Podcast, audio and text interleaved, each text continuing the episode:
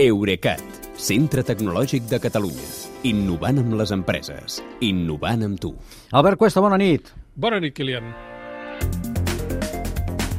Ara ho acabem de dir, les autoritats de Nova York ja tenen un sospitós del tiroteig d'ahir al metro i han demanat la col·laboració ciutadana per trobar-lo, fent servir, dèiem, els telèfons mòbils. Sí, pràcticament tots els veïns i els visitants de la ciutat han rebut aquest matí, o sigui, la nostra tarda, als seus telèfons un missatge d'alerta d'emergència dient-los que es busca aquest home negre de 62 anys anomenat Frank James, com a presumpte autor dels trets a l'estació del carrer 36 que han deixat cap a una vintena de ferits.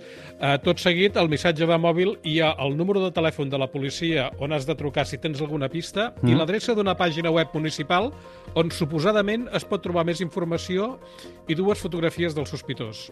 Eh, dic suposadament perquè moltes persones s'han queixat a les xarxes socials de que la pàgina no funcionava. No anava, eh? Ara ja es veu, així que probablement el que era és un problema puntual d'accés de càrrega. El que no hi posa la pàgina és que el sospitós fa 1,65 m d'alçada, pesa entre 80 i 90 quilos, ni tampoc que hi ha una recompensa de 50.000 dòlars per qui doni informació que porti la captura d'aquest tal Frank James. Però el que t'ha cridat més l'atenció és el tipus de missatge d'alerta, eh? M'has dit? Eh, No és un SMS o un WhatsApp com qualsevol altre? No, no, no. Uh, els serveis comercials de xat com WhatsApp, que deies, o qualsevol altre, tots els altres, no són una bona solució per les comunicacions d'emergència perquè cal que tots els destinataris tinguin instal·lada una aplicació.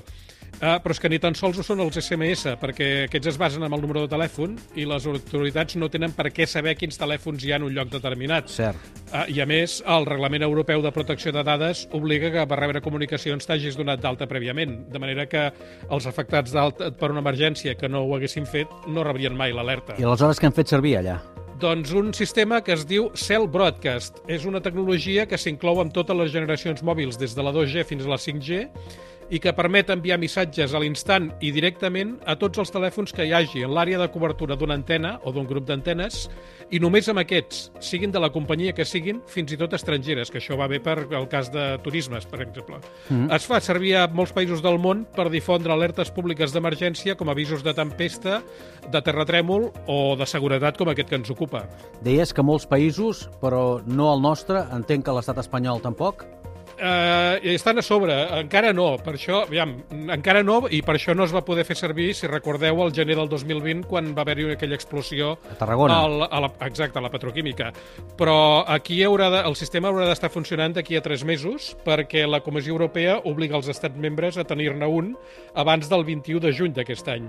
El Ministeri de l'Interior ja va convocar l'any passat el concurs per desplegar-lo i a primers d'octubre li va adjudicar a l'empresa CIA, que és la filial de ciberseguretat d'Indra, Mira. que sí, sempre, hi surt, sempre surten. Sempre, sempre surten. Sí, que faran servir la plataforma de l'empresa nord-americana Everbridge. Doncs està molt bé que hi sigui i estaria molt bé que no s'hagués de fer servir.